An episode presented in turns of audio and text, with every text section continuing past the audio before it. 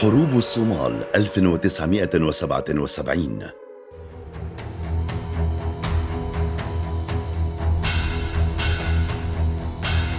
حرب الصومال وإثيوبيا عام 1977 من أحد أكثر الحروب عنفا التي خاضها الطرفان كما أنها تعتبر من أشد المواجهات العسكرية التي شهدتها أفريقيا وذلك بسبب التدخلات الإقليمية التي فيها. حيث تدخل أطراف لمساندة أطراف وترجيح كفه الحرب لصالحهم. إقليم أوغادن في الصحراء الواقعة بين البلدين كان محور هذه الحرب حيث قامت الصومال بغزو هذا الإقليم الذي يتكون أغلب سكانه من الصوماليين. النزاع الذي بدأ ضئيلا في منطقة نائيه من العالم تحول ليكون نقطة ساخنة للحرب الباردة بين الولايات المتحدة الأمريكية والاتحاد السوفيتي.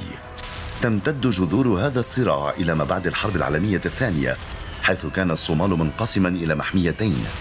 الأولى تحت الانتداب البريطاني والثانية تحت الانتداب الإيطالي حيث منحت الأمم المتحدة الوصاية الإيطالية على قسم من الصومال عام 1945 الذي حقق استقلاله عام 1955 أما الجزء البريطاني من الصومال فقد نال الاستقلال عام 1960 في عام 1948 قامت الإدارة البريطانية تحت ضغط حلفاء الحرب العالمية الثانية بإعادة جزء أوغادن لإثيوبيا بناء على معاهدة وقعها البريطانيون مع ملك إثيوبيا عام 1897 في عام 1948 قامت الإدارة البريطانية تحت ضغط حلفاء الحرب العالمية الثانية بإعادة جزء أوغادن لإثيوبيا بناء على معاهدة وقعها البريطانيون مع ملك إثيوبيا عام 1897 تم إعطاء هذه الأرض الصومالية له. لكن بريطانيا أدرجت فقرة تحفظ للصوماليين استقلاليتهم في المنطقة. لكن سرعان ما أعلن الملك الإثيوبي سيادته على المنطقة. هذا الأمر حث البريطانيين على القيام بمحاولة لم تنجح لاستعادة الأراضي الصومالية التي تنازلت عنها عام 1956 نال الصومال البريطاني استقلاله عام 1960 وبعد خمس سنوات أعلن عن مجلس أراضي الصومال الذي وحد كلا من الصومال البريطاني والصومال الإيطالي ليشكل جمهورية الصومال. وبعد خمس سنوات أعلن عن مجلس أراضي الصومال الذي وحد كلا من الصومال البريطاني والصومال الإيطالي ليشكلا جمهورية الصومال. نال الصومال البريطاني استقلاله عام 1960 حدث انقلاب عسكري في الخامس عشر من أكتوبر تشرين الأول 1969 الذي اغتيل فيه رئيس وزراء الصومال شارماركا استولى فيه الجيش على زمام الحكم بقيادة محمد سياد بري الذي كان قائد الجيش في ذلك الوقت. على إثر هذا الانقلاب تشكل ما يعرف بالمجلس الأعلى للثورة وكان بيري رئيسة حيث تم الاتفاق على تسمية البلاد بالجمهورية الديمقراطية الصومالية وقام بحل البرلمان وأوقف العمل بالدستور. الأمر الذي دعا مصر لإرسال أسلحة للصومال وخبراء لتدريب الجيش الجديد وذلك في إطار دعم السياسة المصرية لتأمين نهر النيل.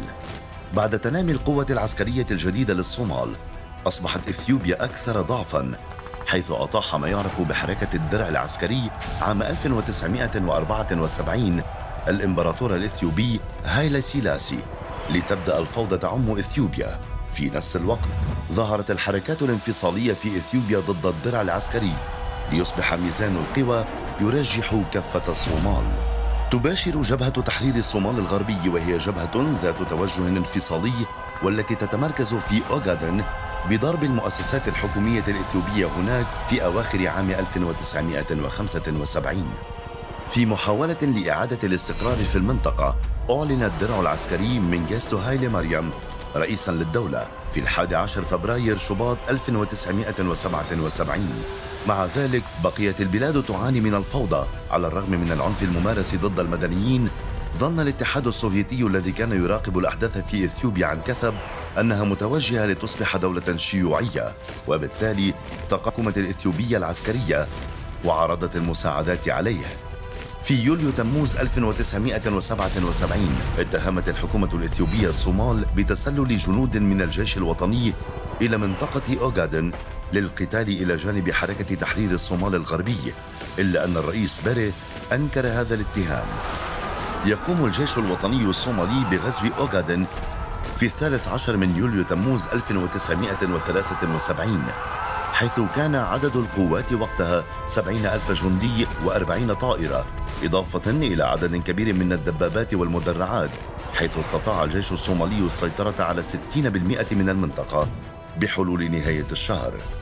لكن خلال المعارك لاقت القوات الصومالية مقاومة من المدافعين الإثيوبيين مما كبدها خسائر فادحة وخاصة بعد الدور الذي لعبه سلاح الجو الإثيوبي.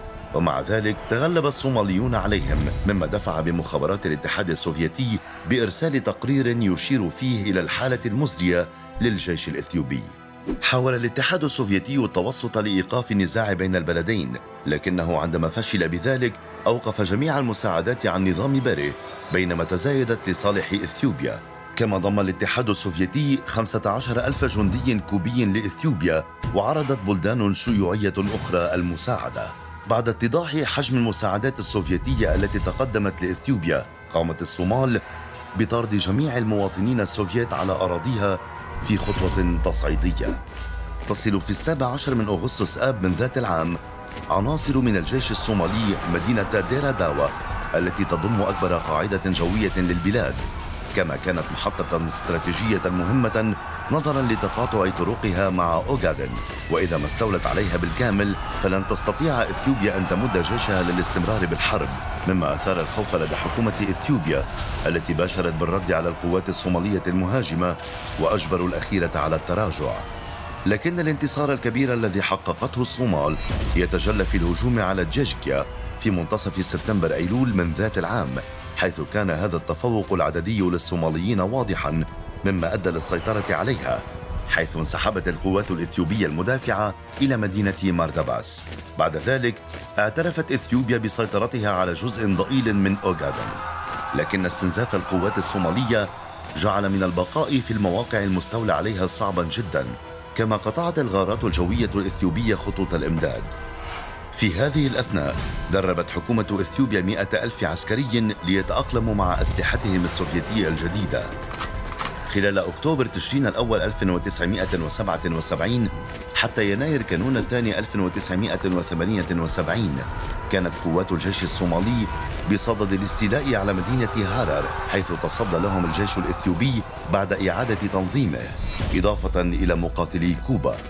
فوصلت القوات الصومالية إلى مشارف المدينة بعد أن كانت قواهم قد استنزفت بما لا يمكن السيطرة على المدينة وانسحبوا انتظارا للهجوم الكوبي الإثيوبي المضاد.